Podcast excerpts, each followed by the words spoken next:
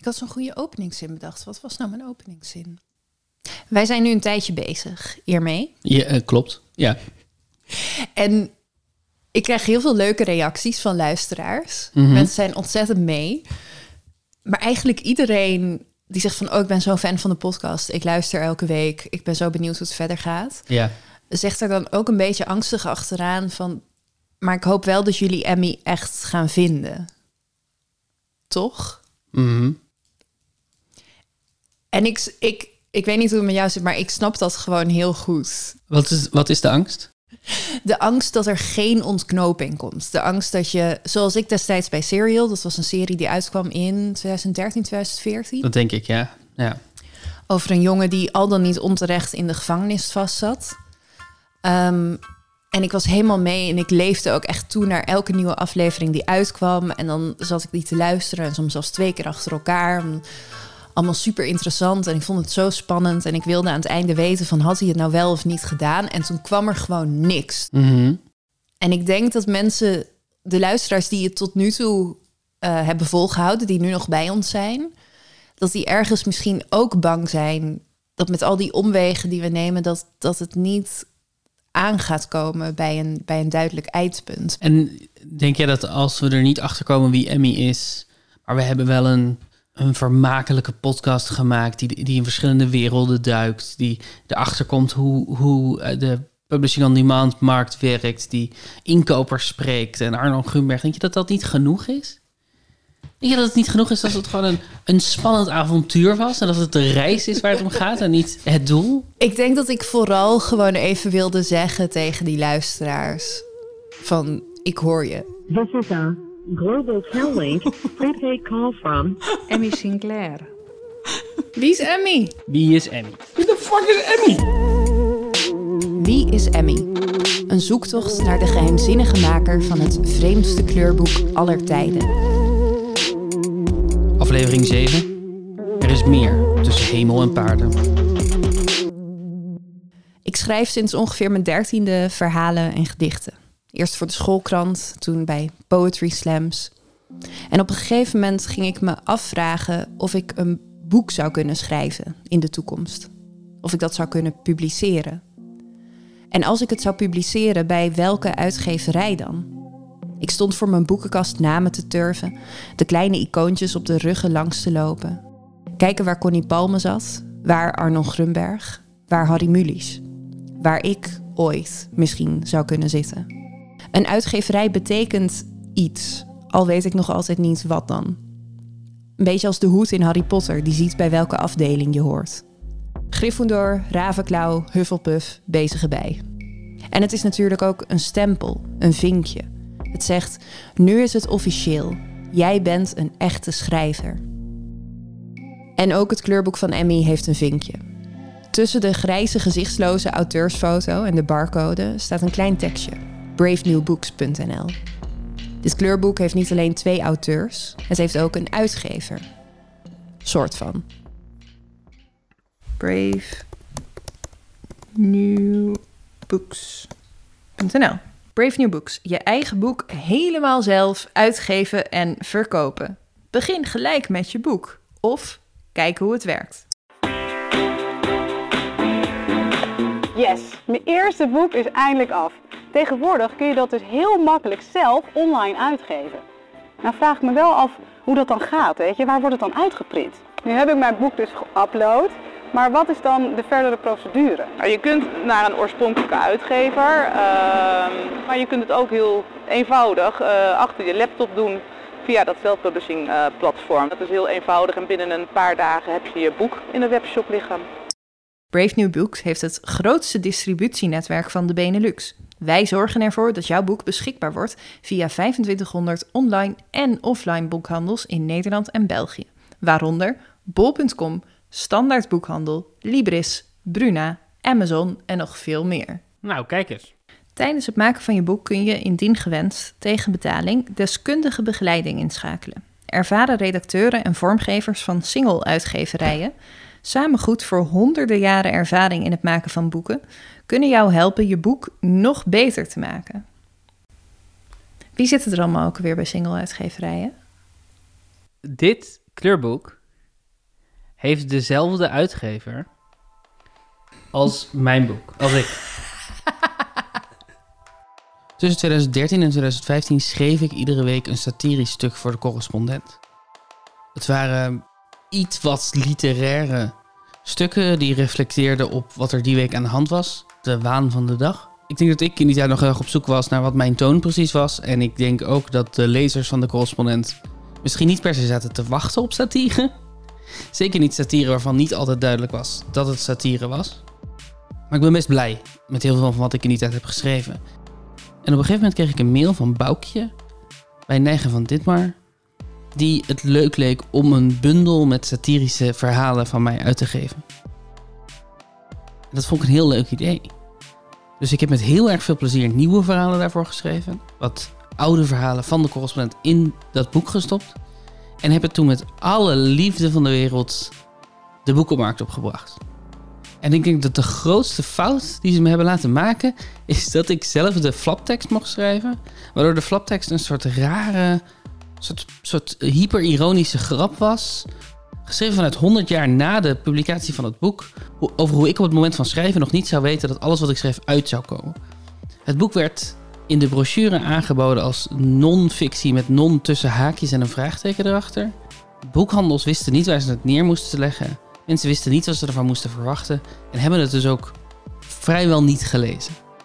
Ik heb dat nooit echt heel erg gevonden, omdat ik al vanaf het begin af aan al zeker wist dat dit geen succes ging worden. De uitgever had er goede hoop in. En ik voelde me vooral alsof ik, alsof ik ze een beetje had opgelicht. Ik had niet eens gezegd dat ik dacht dat dit goed zou gaan verkopen. Dat hadden ze allemaal zelf bedacht. Maar ik maakte gretig gebruik van die illusie om een raar boek uit te geven. Een boek waar ik nog steeds heel trots op ben. Dat boek heb ik uitgegeven bij Neigen van Ditmar. Neigen van Ditmar was ook toen al onderdeel van het concern Single Uitgeverijen. Het grootste uitgeefconcern van Nederland. Daar zit niet alleen Neigen bij, maar ook de arbeiderspers, Querido, De Geus sinds kort. En die zijn ook medeoprichter geweest van Brave New Books. De uitgever van de grote uitdaging Anti-stress bij Stephanie Jakke. Ik dacht dat het goed was om, om ons even te oriënteren en even te kijken wat er allemaal uit wordt gegeven bij Brave New Books. Wat voor soort uitgeverij is het? Dat heet dan ook het fonds, hè? Het, het fondsen. Hoewel een uitgever kan verschillende fondsen hebben. Poëziefonds, proza. Het is een paar maanden later. Voorjaar 2021. De zwembaden zijn dicht.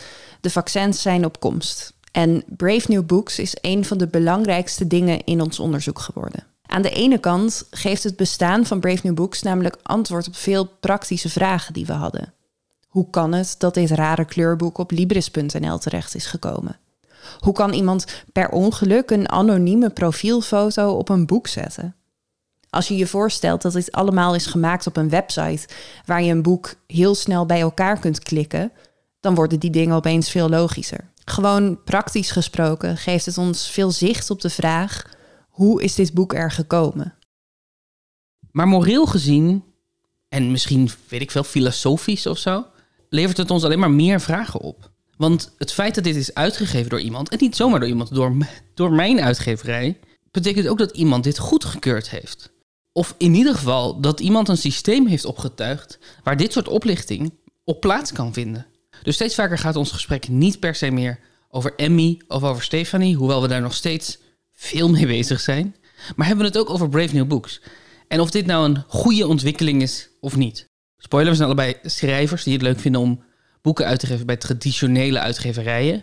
Dus, dus we zijn een beetje bevooroordeeld. Het idee dat iedereen zomaar een boek uit kan geven, dat doet een beetje pijn in onze schrijversziel. Maar we proberen ook objectief te zijn en, en we gaan dus met goede moed op onderzoek uit op de website van Brave New Books. Dus er- het, het sowieso, ze hebben van alles. Eh, ik ga je gewoon wat dingetjes laten zien. Eh, ik heb wat dingen uitgezocht. Ik ga je gewoon wat dingetjes laten zien. Het, is, het zit vol met mensen die, ehm, ja, die gewoon graag een boek willen schrijven. En wat voor boeken willen mensen dan schrijven? Eh, mensen willen spannende boeken schrijven. Dus ik heb hier Ritmes rond Wolvenbot. Met als ehm, korte toelichting. Voor alles is een tijd en plaats, behalve het verleden. Ritmes rond Wolvenbot van Eugène Baak. Dat klinkt heel kut, maar ik vind het wel gelijk mooi, omdat het voor mij wel onderstreept dat het verleden altijd door blijft gaan. De aan ethisch muziek verslingert de journalist. De sociologe vegeterend in de schaduw van haar man. Dat is heftig, vegeterend Ja. in de schaduw van je man. Een uitgebluste regisseur en de gitarist van een marginale popband. Zijdelings krijgen zij van doen met een unieke cold case. In een internaat te Wolvenbot zijn begin jaren 50 opvallend veel kinderen gestorven. Wilde geruchten doen al ruim een halve eeuw de ronde. Dit is gewoon iemand die al heel graag een keer een spannend verhaal wilde schrijven. Ja, maar weet je wat? Ik vind het niet zo slecht. Ik ben best benieuwd wat hier aan de hand Dat, is. het klinkt best alsof het een, een, een NPO eh 1 thriller zou kunnen zijn. Mhm. Zeker. Dit is denk ik waar Brave New Books voor bedacht is. Zo'n beetje. Mensen die altijd al het idee hadden dat ze een spannend verhaal in zich hebben. En het is niet makkelijk om een, om een spannend verhaal uitgegeven te krijgen. Maar het is wel leuk om het te schrijven. Eh, dus dan, dan ga je naar... ehm kom je bij Brave New Books uit. De vergruizende alledaagsheid van het bestaan. Precies. Dat is toch ook een toptitel? Ja, en er zijn er heel veel van deze. Vaak ook mensen die iets hebben gesitueerd in hun thuisstad. Of de plek waar ze vandaan komen. Dat vermoed ik dan in ieder geval. Dit is Almeerse zomer. precies. Deze roman beschrijft dus een zomer waarin de hoofdpersoon zijn badkamer laat verbouwen. Met rampzalige gevolgen. Ja, en als je dat hoort, dan, eh, dan heb je daar een bepaald beeld bij. Mhm. Tenminste, ik heb daar een bepaald beeld bij. Ja, wat zou ik dan op de flaptekst zetten? Ik denk misschien wel gewoon een mooi tegelpatroon of zo. Als een badkamer. Oh, ik weet het al. Ik zou een tegelmuur kiezen, waarvan dan een van de tegels zo gebarsten is. Oh ja. Maar dat is, dat is niet wat, wat ze, de keuze die ze met dit boek hebben gemaakt. Nee, want er staat een navel op. Ja, nee, het is gewoon een blote vrouwenbuik. Ja. Met een borst die er nog zo half zo... Die onder, onderboob, die is nog een beetje zichtbaar. En ze is nat. Ja, ja, het is waarschijnlijk... De associatie zal wel badkamer zijn.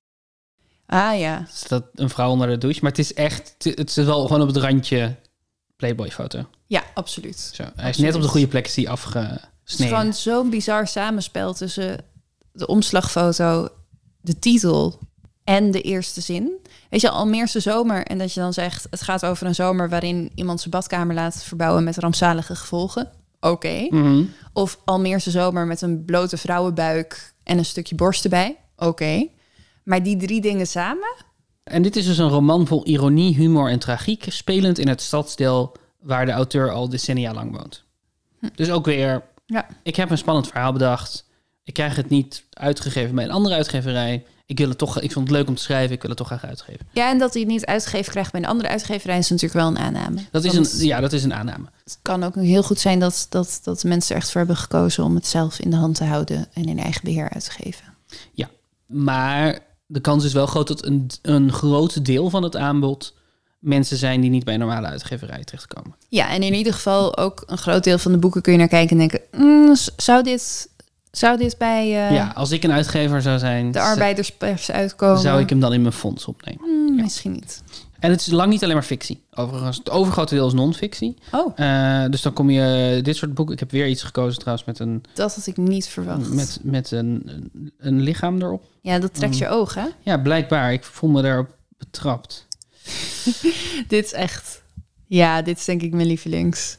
Die auteursnaam ook. Dit is Cupida Amora, die het boek heeft geschreven... Hoe word jij verliefd op de ware? Voor singles en daters van 15 tot 85. Ik vind, ik, wat, waarom ik dit uit had gekozen is deels omdat er dus heel veel van dit soort adviesboeken worden uitgegeven. Maar ook omdat ik het zo grappig vind dat de, het kernprobleem wat dit boek oplost... is dat mensen niet verliefd worden op de ware. Je bedoelt dat ze verliefd worden op de verkeerde mensen. Ik zou zeggen dat je probleem vaak is... hoe zorg ik ervoor dat de ware mij ook leuk vindt? Maar dit is voor mensen die de hele tijd verliefd worden op degene die niet de ware is. Ja, ja, ja. Maar dat is toch, als je toch verliefd bent op iemand, dan is dat toch de ware. Ik denk dat, dat hieruit blijkt dat jij heel veilig gehecht bent. Want ik vind dit een heel logisch verhaal en ik snap dit ook gelijk. De meeste mensen worden verliefd op de verkeerde mensen. Ja, maar als het. Ik bedoel, ik snap ook wel dat de vraag zou zijn: hoe word ik niet meer verliefd op foute mannen of vrouwen, zoals hier staat. Maar d- de ware impliceert dat je die persoon op een gegeven moment tegen het lijf komt en dat je er dan vanzelfsprekend, als je er niet verliefd op wordt, Ja, dan is het niet de ware. ja, dat is ook wel de onzinfactor van de ware. Ja, de ware is ook een probleem. Dat is ook zo. Verliefd, gebruik je hart en je hoofd. Op zoek, ga niet af op een eerste indruk. Dus dat is het hele idee. De ware is niet iemand die je met een eerste indruk gaat ontmoeten. De ware is iemand die je leert kennen, waar je rustig aan eh, verliefd wordt. Maar onder alle eh, poppsychologen die ik ook op Instagram volg, is dit nu een, een vrij algemeen idee. Wordt ook steeds gezegd van, is het liefde of is het trauma? Trauma. Ja, dus het idee is dat je heel snel heel heftige gevoelens kan hebben voor iemand die iets in jou losmaakt, wat je doet herinneren aan je vroege jeugd of zo, of dingen die fout zijn gegaan. Maar dat echte liefde en werkende relaties iets is wat, wat, wat nou ja, wel, wel, je, wel je gewoon veel gevoelens geeft, maar niet zo je leven op de kop zet. Dit moet je allemaal weggegooid. Maar er zijn natuurlijk veel gebroken mensen, waar ik mijzelf zeker onder kan rekenen, die al vroeg in het leven heel heftige ervaringen hadden met liefde. En toen ook zijn gaan denken, dat is wat liefde is. Liefde is pijn. Liefde Ja, ja, is niet meer slapen. Liefde is niet meer eten. Liefde is niks meer kunnen doen omdat je steeds op de vloer ligt en denkt, waarom houden ze niet van me? Ja, maar ja. Ja, goed punt. Goed punt. En als Cupida Amora daarmee kan helpen, dan is het natuurlijk alleen maar... Ik vind Cupida... Dat is denk ik wat ik het meest dubieus vind aan dit boek. Als jij echt denkt dat je mensen kunt helpen om op de goede personen verliefd te worden en om een gezondere relatie te hebben, Ja. doe dat dan gewoon onder je eigen naam. Ja. Dit is echt een geval waarbij ik denk met dat pseudoniem heb je iets te verbergen. past wederom in het idee van dat een hele hoop van de auteurs op bravenewbooks.nl mensen zijn die het in hun vrije tijd doen. Ja. Dus misschien heeft Cupida Amora ook wel gewoon een serieuze baan ergens. En, en zijn die twee identiteiten moeilijk met elkaar te verenigen. Ja, hoewel dit dan ook, dit is toch zo'n wholesome onderwerp dat ik me niet kan voorstellen dat je ermee in de problemen komt. Dus je zegt, Als er mensen zijn die kleurboeken onder pseudoniemen uitbrengen. goed punt, goed punt. Ah, ik heb dus ook eventjes gekeken wat de populairste boeken zijn eh, die bij Brave New Books uit... Zeg maar de grote, de bestsellers, basically. De grote klappers. En dat is heel moeilijk te vinden. Eh, maar een van de, degenen in ieder geval met de meeste recensies... en die ook eh, redelijk bovenaan kwam eh, te staan... eh, is deze. Het geheim van aantrekkingskracht. Hmm, nog meer liefdesadvies. Nog meer liefdes. Hoe doodgewone mannen een jaloersmakend leven vol vrouwen krijgen door eerlijker te zijn dan ooit. Yep. Top. Arnoud van Veen en Daan de Ram. Dat zijn eh, bekende coaches. Hoe leer je vrouwen versieren in vijf stappen? En ik spring er gelijk in met de eerste stap. Die eerste stap is realiseren, dit is niet iets wat je hebt, dit is iets wat je kan leren. Het is een vaardigheid. Het is best goede zelfhulp, vermomd in een extreem heteronormatief en lelijk eh, jasje. Ja, dat is verdrietig. Want Ja. eigenlijk zodra die dan aan het praten is, denk ik, oh ja, dit is, dit is wel lief. Mannen moeten eigenlijk ook gewoon wat meer inderdaad kunnen praten over hun onzekerheden. En inzien dat die niet zo groot zijn als ze voor henzelf zijn. Een, een echt een eh, relatiecoach. Heeft wel echt veel vijf sterren recensies. 103. Ik heb een heel leuke twee sterren recensie gevonden. Oh, vertel. Omdat er zo 100 vijf sterren recensies zijn en twee twee sterren recensies, was ik wel benieuwd wat die te zeggen hebben. En deze is van Frans Has. Hij is 40 tot 49 jaar. Hij woont in Heerlen en hij schreef dit in februari 2019.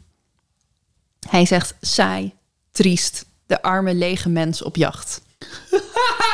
Dat zijn de drie minpunten. En dan schrijft hij: Het is me wat. Weer een boek over aantrekkingskracht, sekshonger en bevestigingzucht. Weinig kritische noten, geen zelfreflectie, geen idee dat er dingen zijn die zo'n beetje na je 23ste zou dienen of kunnen overstijgen. Waardeer mij, vind mij aantrekkelijk, laat me voelen dat ik ertoe doe, word er heel moe van. Maar ja, ik ben een oude zak en tegenwoordig telt alleen wat jong en dierlijk is. Veel plezier ermee. Maar waarom heeft hij dit gekocht? Want volgens mij mag je bij bol.com alleen een recensie schrijven als je het hebt gekocht. Ja, ja, ja. Ik denk dat Frans op, op zoek was naar een manier om echt contact te leggen misschien met mensen. En dat hij Ah. teleurgesteld is naar de oppervlakkigheid daarvan. Dit is dus een, eh, echt een populair genre op eh, Brave New Books. Er is ook bijvoorbeeld namelijk het boek Manslut. Oh ja, die zie ik hier gelijk Precies, gesuggereerd. van Tim Veninga. Die staat dan ook naast de game van Niels Strauss. Dus dan weet precies, je het dan wel. weet je het wel ja. Vergeet het zoetsappige datingadvies dat je in de bladen leest. In Manslut lees je de list en bedrogmanier om zoveel mogelijk vrouwen in bed te krijgen. Ja, maar di- dit is van Tim Veninga. Die ken je toch wel? Nee, ik ken hem niet. Die is van mannengeheim.nl. Hi, het is Tim. Ik kreeg een vraag in de inbox van een vrouw die zei: Hoe zorg ik ervoor dat een man mij gaat missen? Hi, het is Timmy.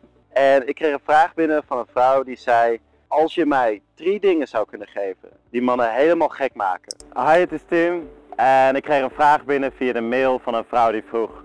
Hoe kun je zien of jij en een man voor elkaar gemaakt zijn? Hi, het is Tim hier. Ik kreeg een vraag van een vrouw in een mail die zei... Ik wil scheiden, maar mijn man wil niet scheiden. Het script waarmee je 88 van de 100 dates laat uitdraaien op seks. Hoe je al je collega's kan neuken, ook als je in de friendzone zit. Dan zit je nu op mannen geheim. Nee, dit, Oh, staat- dit, is het de boek. achterkant van zijn boek. Ja. Praktisch en vermakend vindt Sir Rita Lot op eh bol.com. Mannen appen niet om sociaal te doen. Mannen appen alleen maar omdat we weten dat vrouwen dit leuk vinden. Maar zelf doen we dit nooit. Niet met onze vrienden, niet met onze familie en ook niet met onze vriendin. Mits we het kunnen vermijden natuurlijk. Ik, eh, Hoe voelt het aan als, als, als man? Mag ik jou vragen? Wij appen best vaak. mhm. Doe je dat alleen maar omdat je weet dat ik het leuk vind? Ehm, het is verschrikkelijk toch? Het ligt niet in een man zijn aard om te appen voor de lol. Alleen als hij een vrouw heel leuk vindt, zal hij hierin meegaan. Nou ja, wat ik er dus wat ik er oprecht moeilijk aan vind. Niet alleen is het heel lelijk naar vrouwen toe of zo, maar ik voel ook. Naar mannen. Ja, ik heb het idee dat ik hier niet. Dat ik hier niet gerepresenteerd word. Wat betekent dat ik niet eh, meetel als man. Ik ben niet geen echte man, omdat ik het leuk vind om te appen met mensen. Ja, omdat je het leuk vindt om oprecht contact te maken Ja. met mensen die iets voor je betekenen. Ja, Sowieso dat je mensen hebt die iets voor je betekenen, dat, dat moet je al wel een beetje aan twijfelen hè? Ja. stellen. Ja, dat is echt wel gay. Nou ja, verschrikkelijk. In ieder geval is dit dus echt een eh, populair genre op Brave New Books. En ik denk ook dat dit misschien wel de categorie is van boeken waarvan uitgevers misschien twijfelen omdat het een, ze verkopen goed, maar ze, ze zijn misschien controversieel. Ja. En dit is ook precies dat genre van dus bloggers die een succesvol blog hebben en die denken hier kan ik meer geld uithalen. Yep, yep, ja, ja, ja, ja. Andere genres zijn mensen die ehm, gewoon zelf iets doen in hun eigen leven en dan denken hier, hier zit ook wel een boek in. Oh, dus bijvoorbeeld 500 dagen op reis, de bijzondere avonturen van een enthousiast wereldreizigster. Maar die kennen we ook vooral van familiefeestjes en borrels. En weet je al vroeger dat je dan vreemden ontmoet en die dan zeiden: Oh, ik heb ook nog wel een idee voor een boek. Ja, en dit, is, dit zijn mensen die gewoon extreem alledaagse eh, reiservaringen opschrijven alsof het de moeite waard is om te lezen. 500 dagen op reis vertelt het verhaal van een avontuurlijke meid die besloot huis en haard achter te laten en haar drukke werkende leven in Nederland in te ruilen voor een leven zonder vast programma, zonder route, op het budget. En dat betekent dat je soms in bizarre situaties terechtkomt, moet eten wat er walgelijk uitziet en in ontiegelijk vieze bedden slaapt. Eén ding is zeker, het levert vooral de meest hilarische en verbazingwekkende situaties op. Ja, en als voorbeeld van hilarische en verbazingwekkende situaties staat er dan dus ook bij een Afrikaanse olifant die onvoorspelbaar op vijf meter afstand van je tentje staat te loeren. Gefrituurde duizendpoten tussen je tanden horen kraken. Een man die op straat ligt te bedelen met een dusdanig groot gat in zijn been dat je zijn bot kunt zien. Ja, en allemaal dingen waarvan ik me heel goed kan voorstellen dat als je ze hebt meegemaakt, dat je dan ze voor eeuwig zal onthouden. Dat je ze op feestjes aan mensen vertelt en dat mensen dan knikken en denken, wauw, wat indrukwekkend. Of dat ze denken, oh god, Ingeborg, ik wil niks meer horen over dat jaar Sure. dat je op reis was. Maar ik wil, niet, ik wil niet per se cynisch zijn over mensen hun reiservaringen. Want iets meemaken is iets heel. Je kan, zeg maar, bijvoorbeeld verliefd worden is iets heel alledaags. Het is iets wat, waar mensen het vaak niet interessant vinden om je over te horen als je vertelt hoe verliefd je bent. Maar het is wel iets heel bijzonders wat je meemaakt. En volgens mij is reizen ook zoiets. Reizen is heel bijzonder. Een Afrikaanse olifant op vijf meter afstand van je tent zien staan. Super cool. Gefrituurde duizendpoten eten. Minder cool, maar toch snap ik dat dat iets is wat je vertelt aan je vrienden. Maar er is gewoon een. Het is niet zo uniek als het voelt. Eh, en zeker niet om te horen als buitenstaander. Ik stel me gelijk voor dat Ingeborg dus op reis ging. En wat doe je als je op reis gaat als Nederlander? Dan maak je een Ingeborg-punt, waar ben jij punt nu? Mhm, mhm, mhm. En die wordt dan eh, religieus gevolgd door je ouders. En misschien nog je broers of je zusje. En vaag gevolgd door wat collega's of vrienden die dan eens in zoveel maanden denken... oh, hoe zou het nu met Ingeborg gaan? Maar ja, ook hierbij kan ik me dan weer voorstellen dat je dat blog hebt... En dat je dan denkt, ik ben al zo ver. Moet je kijken hoeveel woorden ik heb getypt. ja, Een beetje redigeren en dan heb ik gewoon een boek. en dat is, dat is prima natuurlijk. Want eh, er zit eigenlijk geen, behalve van Ingeborg zelf, maar zit er verder geen financiële investering in. Wat dus betekent dat als tien mensen je, je boek kopen om, omdat het je vrienden en je, je ouders zijn, dan, dan heb je er winst aan gemaakt. Ja. En dan hebben die iets leuks. Heel veel van de recensies zijn mensen tussen de pakweg 40 en 60 jaar. Hmm, dat dat had ik niet verwacht. Ik ook niet. Ehm, en dan denk ik mijn lievelingsboek wat ooit is uitgekomen bij Brave New Books is deze. Hoe kom ik aan de 20 euro in mijn winkelwagen op bol.com? Van meneer Winkelman. Ooit in de situatie gekomen waarbij je net niet 20 euro aan producten hebt in je bol.com winkelwagen, dan is mijn e-book de perfecte oplossing voor jou. Bestel er één of meerdere, zodat je alsnog kan genieten van de gratis verzending. Het is 1,05 euro. Ja, het, het, volgens mij was ooit de bedoeling dat het 1 cent was, maar eh, er staat 1 cent e-book. Maar dat is denk ik veranderd, of dat kon niet meer, of het is misschien duurder geworden, ik weet het niet. Oh, wat goed. De recensie van eh, heb ik van hiernaast. Go- eh, plus lekker kort. Min geen spanningsopbouw. Karakters evolueren niet mee. Matig plot. Maar het is ook echt een boek. Ik, denk Ik dacht dat het gewoon een leeg ik denk boek dat het een, Ik denk dat het een grapje is. Oké. Als ik door het in, inkijkexemplaar ga, dan is het een helemaal leeg boek. Lijkt het. Oh ja, want de twee sterren recensie van Diana74 zegt... het is sympathiek dat je alsnog je bestelling gratis krijgt thuisbezorgd. Maar Bol, waarom niet een donatie doen aan een goed doel? Gezien jullie hoge omzet in het coronajaar... mogen jullie dat best faciliteren. Ik stel voor Voedselbank of Change for Children. Ja. En Diana, Denkt blijkbaar dat dit een idee is van Bol.com. precies. En Diana heeft daarin natuurlijk helemaal ongelijk. Dit is gewoon een, een slimme twintiger die dacht, weet je wat ik ga doen? Maar ze heeft ook niet helemaal ongelijk. Want dit boek is uitgebracht door bol.com bij Brave New Books. Ja, want, en dit hebben we nog niet eerder gezegd... Brave New Books is in 2013 opgericht door drie partijen. Single uitgeverijen, die noemden we al. Mijnbestseller.nl, die de techniek leverde. En Bol.com. Andere boeken die het goed doen op, bij Brave New Books zijn Afvallen zonder poespas, Handboek Emigreren naar Zweden, Tarot voor beginners, Er is meer tussen hemel en paarden. en Ik ga relaxed bevallen. Oh, wauw. Nou, dat geeft wel een, een gevoel van, van wat voor boeken er, er Ik heb zijn, nu op eentje geklikt waar prijzen vooraan staan. Ja, De wasmachine heet die. Heb je die gezien? Dit was gewoon net bij dat eh 20 euro in bol.com krijgen. Was deze zo van, kijk hier ook eens naar. Oh ja, dit is inderdaad ook bij Brave New Books uitgegeven. Het heet De Wasmachine. Het heeft de vakjuryprijs en de publieksprijs gewonnen van de Baarnse Literatuurprijs, volgens de cover. Het is een kort verhaal. Heeft geen enkele recensie. Ik vind het gewoon zo fascinerend, want het ziet er echt wel cool uit. Het trok gelijk mijn aandacht. Zo die zwarte koffer, maar dan in het geel de wasmachine erop. En dan van die, ja, hoe heet dat? Ook weer zo'n lauwerkrans. Waar dan Ja, zo- ja, zoals je ook bij films zo eh, op de poster ziet. Kijk, dus tot zover is denk ik is, is het aanbod van Brave New Books best wel onschuldig. Het is heel goed te begrijpen waarom mensen iets uitbrengen bij Brave New Books. Het is misschien te controversieel voor een normale uitgever. Het is misschien iets wat de uitgever niet goed genoeg vindt. Het is misschien iets wat, wat interessant is voor een te klein publiek. Waar een uitgever misschien niet geïnteresseerd in is, maar wat jij wel als eh Ingeborg zijnde graag uit wil geven. Maar er is ook een hoek die iets ingewikkelder is. Oh god. Wat zie je? Nou ja, ik zei al, oh god, toen ik gewoon de titel zag in de WhatsApp-link. Want daar staat in caps lock Donald Trump, God's chosen president. Met als ondertitel Why it's absolutely sure that Donald Trump wins the 2020 elections. Fake news. Ja, dit is een eh bijbelse analyse van waarom het niet anders kan dan dat Donald Trump president wordt in 2020. Ja, dus inderdaad, die, die bijbelse cijfers, die laten zien. En dan zegt hij op pattern-based research... dat het 100% zeker is dat Donald Trump herkozen gaat worden. Het boek is 228 pagina's. Dus dit is een serieus boek. Jesus, het is ook 37,70 euro. En het is 37,70 euro voor een paperback. Ja, en dit is natuurlijk dit is niet zo onschuldig. Omdat, nou goed, is dit natuurlijk een Nederlands platform.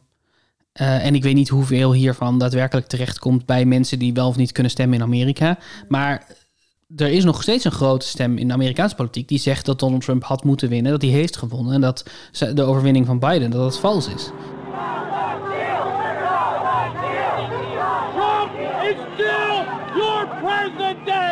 How many of you voted in the, last, in the 2020 election? Put your hands down. Now, how many of you think your vote counted? There's a lot of stuff going around about what happened in this election. Quite frankly, I don't know, but I'm looking. All of them backing the president's unsubstantiated claims of widespread voter fraud and corruption. Dus het is best een beetje eng misschien om dit soort boeken uit te geven. Ja, absoluut. Nog even los van dat het nu heel grappig is om een, dat er nog steeds een boek te koop is met waarom het zeker is dat Donald Trump de, de verkiezingen gaat winnen. Ja, maar precies wat je zegt. Dat, dat maakt ook dat het dan zogenaamd bewijs is dat de verkiezingen gestolen zijn en vervalst. Ja, uh, je komt gewoon snel uit bij boeken waarvan je opeens snapt, oh ja, te controversieel voor een uitgever. Dat kan misschien ook wel zijn, te, dit zou je misschien niet moeten willen. Hmm. Uh, hier zou je als Brave New Books misschien niet achter staan. Ja. Oh ja. Het wordt wel steeds deprimerender. Dus hier hebben we... Wat is er op dat omslag te zien? Ja, ik denk dat het een... Jezus. Een soort oud-Aziatisch schilderij, of niet? Ja. Van een gordeldiermonster. Oh nee, dat zijn paarden. Sorry. ik zag er even een gordeldiermonster in. Uh, maar wel van allerlei onthoofde mannen op ja. straat... waar een hele groep omheen staat. En dan staat daarboven de titel Koran. Gestolen, vervalst, verzonnen. In dit boek wordt bewezen dat de Koran bestaat uit diefstal van de Tenach en het Oude Testament. Daarnaast zijn er persoonlijke versen in dit boek die alleen maar ten gunste van de bendeleider Mohammed zijn verzonnen. De Koran is een epistel van haat. Haat vooral tegen de Joden en de christenen. Een voorbeeld, de Koran is vol lof over de Joden totdat die Mohammed afwijzen als leider. Dan slaat het vriendelijke om in haat en wordt legio malen opgeroepen tot moord op die Joden. Ik bedoel, je zou bijna precies hetzelfde over de Bijbel kunnen zeggen. Uh, zeker, zeker. Ah, dit is natuurlijk dit is gewoon eng, toch? Ja. Het is 274 pagina's. Wat ik wel heel leuk vind, is dat ze bewezen tussen aanhalingstekens hebben. Ja. In dit boek wordt bewezen. Ja, ik zou, als ik Brave New Book zou zijn, dan zou ik me wel een beetje schamen dat dit bij mij te koop is. Ja. Uh, dat ik het heb uitgebracht. En, dat, en ja, hier... en ook vooral niet alleen dat het er staat, maar ook zij verdienen daaraan. Uiteindelijk, als Ja. dit dus wordt verkocht, uh, dan, Klopt. Dan is dat goed voor Brave New Books. En dat moet je denk ik niet willen. Coronacrisis. Het einde van ons individueel zelfbeschikkingsrecht is nabij. De komst van de transitie. Sinds begin 2020 wordt de hele wereld in de greep gehouden door het coronavirus. De negatieve gevolgen van de lockdown zijn omvangrijk. Hele sectoren vallen weg. Miljoenen werknemers zitten plotseling zonder baan. Dat is, ook, dat is gewoon echt feitelijk onjuist. De huizenmarkt staat op inzakken. De schulden stapelen zich op en de economie in de meeste delen van de wereld is stil komen te liggen. Als u gelooft dat wij in deze bijzondere situatie zijn terechtgekomen door de coronapandemie, dan hoeft u dit boek dus niet te lezen. Dat vind ik ook een interessante take. Dat je zegt, als je het nog niet eens bent met wat er in dit boek staat, hoef je het niet te lezen. Dat zegt al zoveel. De meeste boeken zeggen, als je het niet eens bent met mijn idee, dan nodig ik je uit om het te lezen en er dan nog eens op terug te komen. Om mijn argumenten Klopt. aan te horen. Om op een andere manier naar de wereld te kijken. Maar dit boek is alleen voor mensen die al bij voorbaat het eens zijn met de schrijver. Wat zeggen de reviews? Overzichtelijk, heldere boodschap. Schokkend. Ik heb het boek net uitgelezen en ik moet zeggen dat ik bijna elke alinea even stil heb gestaan om de informatie die erin staat tot me te laten bezinken. Het was iemand die lopend aan het lezen was. Het boek lees je snel uit en er, staan, er, staat, er staan er veel realistische informatie in. Onder andere hoe het geldsysteem op de wereld werkt. Maar dit is uit 2010. Dus dit is Oh shit. de eerste Nederlandse uitgave van dit boek. Verscheen in 2009. Huh? In dat boek voorzegt de auteur niet alleen een wereldwijde lockdown, ook de beweegredenen daarvan worden uitgebreid beschreven. Hoewel het boek meer dan tien jaar geleden is geschreven, is het in onze tijd meer dan actueel. De beschreven gebeurtenissen vertonen meer dan een frappante gelijkenis met de situatie waar zich de hele wereld sedert 2020 eh, bevindt. Hou op zeg. Ik vind wel de zin, als u gelooft dat wij in deze situatie zijn terechtgekomen door het coronavirus, dan hoeft u dit boek niet te kopen.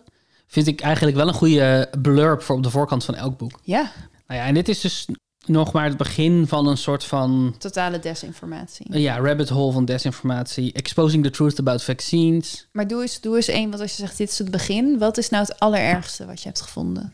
Ja, straling van alle kanten bekeken. Een boek over 5G en waar we meteen moeten stoppen met het aanleggen van 5G. Uh, coronavirus, handboek voor je weerstand en immuunsysteem. Klinkt ook niet. Ik bedoel, ik heb het niet gelezen, maar het klinkt niet alsof Ja, daar informatie in staat die. je ehm, Het zijn niet van die dingen als goed je handen wassen en veel wandelen. prenatale astrologie, hoe planeten tijdens de zwangerschap al invloed hebben op je leven. Nice. Ja, ja dit is de engste categorie, denk ik. Mm. En eh, het valt mee met hoeveel van deze boeken er daadwerkelijk zijn. Ik moest best eventjes zoeken. De meeste dingen zijn, zelfs in de categorie eh, filosofie of de categorie geschiedenis, zijn dan boeken van iemand die eh, zijn eigen onderzoek heeft gedaan naar een, iets in het dorp of zo, wat dan uit is gezocht. Dus het valt mee. Maar dit is wel een mogelijkheid. Dit is er wel gewoon allemaal mogelijk. Als jij totale onzin wil uitgeven, dan, dan houdt eh, Brave New Books je niet tegen.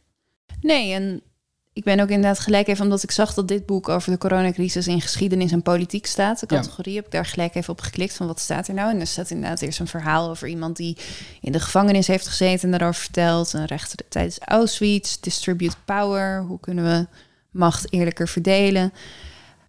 Mensenrechten dan ook mensenplichten. Ja, Iedereen die zijn plichten niet nakomt, verliest zijn recht op mensenrechten. dat is niet hoe mensenrechten werken. De Joden en Israël een stukje geschiedenis klinkt ook al gewoon gelijk dubieus. Ja, er is nog één categorie die ik voor het laatst heb bewaard. Oh god. Waar ik me. eh, Hij is minder eng. Hij is minder, hij is minder eng dan, eh, dan de categorie waar we net in zaten. Maar het is er wel eentje waar ik me nog meer van verbaas dat ze het bij Brave New Books allemaal maar toestaan. Oké. Eh, en het eerste voorbeeld daarvan is deze. Mijn receptenboek. Happy Vegan. Er is toch niks mis mee? Mhm. wat, denk, wat denk je dat het is? Oké, ik dacht dat het een kookboek zou zijn. Mhm. Maar nu denk ik dat het een boek is met blanco pagina's waar je zelf recepten in kan schrijven. Mijn receptenboek, een handig boek waar jij al je favoriete recepten bewaart. Er is plek voor 100 recepten. Top. Is het wel vormgegeven op een manier dat je die recepten... Weet je wel, dat er dan in ieder geval al voorgedrukt staat... zoals in een vriendenboekje van ingrediënten. Stap 1 tot en met stap 10. Notities. Of zijn het gewoon blanco pagina's? Ik zal hem even proberen te. eh, Want als er in ieder geval een formatje in zit... dan vind ik 19 euro alleszins redelijk.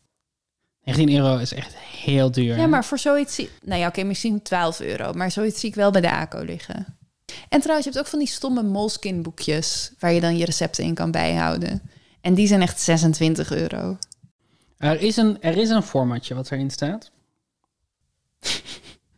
Naamrecept. En dan kun je aanvinken wat het is. Dus ontbijt, lunch, snack, voorgerecht, hoofdgerecht met een thee. Echt top. Oh, jezus. Dessert, salade, soep of anders. Aantal minuten voorbereiding, aantal minuten bereidingstijd. Dat vind ik wel goed. Want zelfs in de beste kookboeken staat het dan alleen maar bereidingstijd. Maar dan niet voorbereiding. Mhm. Waardoor ik dan denk, oh, dat ga ik in 30 minuten maken. En dat is dan helemaal niet haalbaar. Aantal personen, ingrediënten, bereidingswijze. Ja. Luister, het is niet best.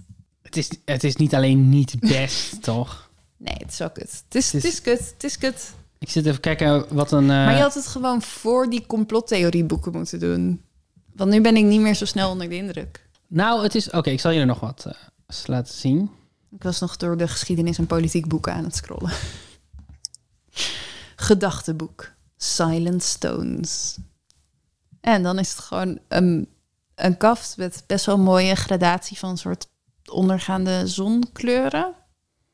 Horizon met inderdaad een, een steen ervoor. Het is een gedachtenboek, een plek waarin jij je eigen verhaal kunt schrijven. Jouw ideeënoord. Oh, oké, jouw ideeënoord. Of een boek met eigen tekeningen, eigen schetsen. Het maakt niet uit. Dit boek is jouw boek. Het is dus 16,50 euro voor 200 lege pagina's. Ja. En ik vraag me dan toch nog steeds wel af wat voor papier het dan is. Want ik koop mijn notitieboeken voor volgens mij iets van 19 euro, zijn mijn notitieboeken.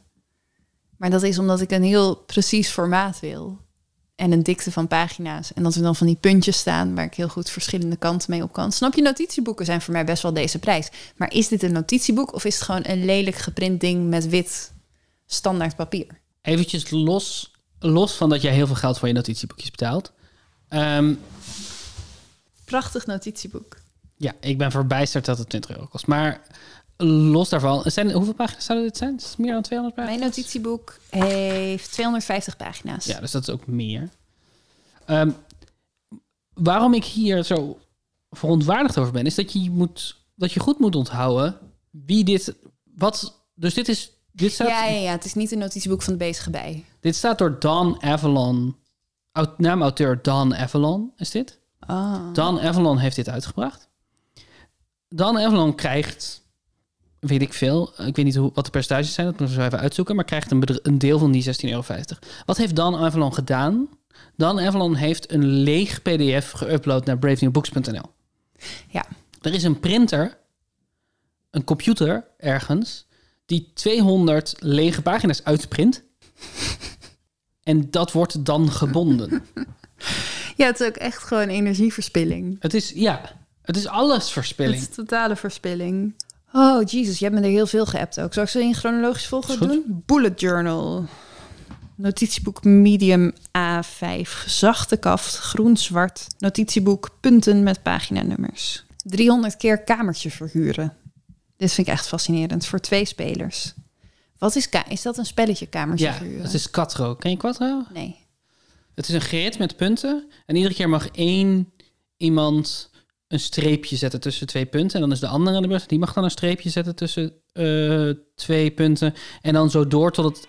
eh, als, je, als, jij het, als het jou lukt om een, een hokje vol te maken, eh, dan is dat jouw kamertje. Dan heb je die. En je wil zo, zoveel mogelijk kamertjes hebben. Jaren 90, dus een Oh, dit heb ik wel eens gezien.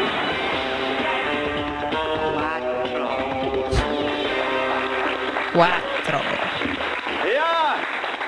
Hallo allemaal en van harte welkom bij de 97e aflevering van Quattro. Wie is dat? Ja, jullie horen het Jochem van De Gelder. 97e. Ja. en kijk even, van welke iets wat linkse politicus zie je... Maar ze moeten ook vragen beantwoorden. Ja, dat was ik vergeten. Oh, dus als ze dan een vraag goed hebben, mogen ze een streep Ja. zetten. Even kijken. Ja, het eerste eh, rode quattrootje, bonusstreepje natuurlijk. Ja, ik heb dit wel eens gezien vroeger. Dit kun je ook op papier doen als je gewoon zo'n veld hebt. Absoluut. Dat je gewoon eventjes zit. Dit speelt, dit speel ik met Ellie soms als we in de trein zitten. Oh. Weet je wel, dan doe je even eh, een aantal van die, van die stipjes en dan gaat het papiertje heen en weer. Daar hoef je niet 20 euro voor eh, een, een, een printing-on-demand uitgever voor eh, in te Ja, schrijven. precies. Dat doe je juist gewoon op een stukje oud papier dat je nog in je broekzak Precies. hebt. Ja. Ja, een envelop. Toen ik het kleurboek kreeg en zag staan Brave New Books, toen dacht ik, oh, Brave, Brave New Books is er ingeluisterd. Brave New Books weet niet dat er op hun website dingen verkocht worden die geplagieerd zijn. Dat ze schuldig zijn aan heling, basically. En had ik ook een beetje met ze te doen. Maar inmiddels heb ik het vermoeden dat het niemand iets uitmaakt Nee. wat er wordt verkocht op bravenewbooks.nl. Ja, ik ben daar benieuwd naar. Ik ben benieuwd of het inderdaad, of dat het niemand iets uitmaakt, of dat er wel iemand af en toe mee bezig is, maar dat die gewoon de grens trekt bij holocaustontkenning. Ja, Ik ben gewoon benieuwd waar de grens dan ligt. Want het ligt in ieder geval niet bij plagiaat. Het ligt niet bij lege eh, pdf'jes laten printen. ja kijk, eh, eh, er zijn twee opties mogelijk. Of, of ze herkennen plagiaat niet, of ze vinden plagiaat prima. Ja. En volgens mij is er een heel simpele manier om erachter te komen welke van de twee het is. Hm? Ze vragen. Of misschien kijken of wij zelf een geplagieerd boek uit kunnen geven bij Brave New Books. Ja. Gouden idee. En jij hebt nog wel een boek liggen, toch? Dus ik denk dat jij onder pseudoniem mijn boek moet gaan uitgeven.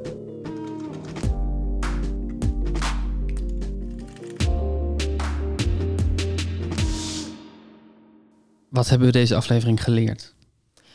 Als je gewoon een spannend verhaal hebt bedacht, kun je dat publiceren bij Brave New Books. Brave New Books is een print-on-demand platform, opgericht door bol.com, mijnbestseller.nl en single-uitgeverijen, waar ik ook zit. Daan is veilig gehecht. Nicky wordt, zoals de meeste mensen, verliefd op de verkeerde mensen. En liefde is niet hetzelfde als pijn.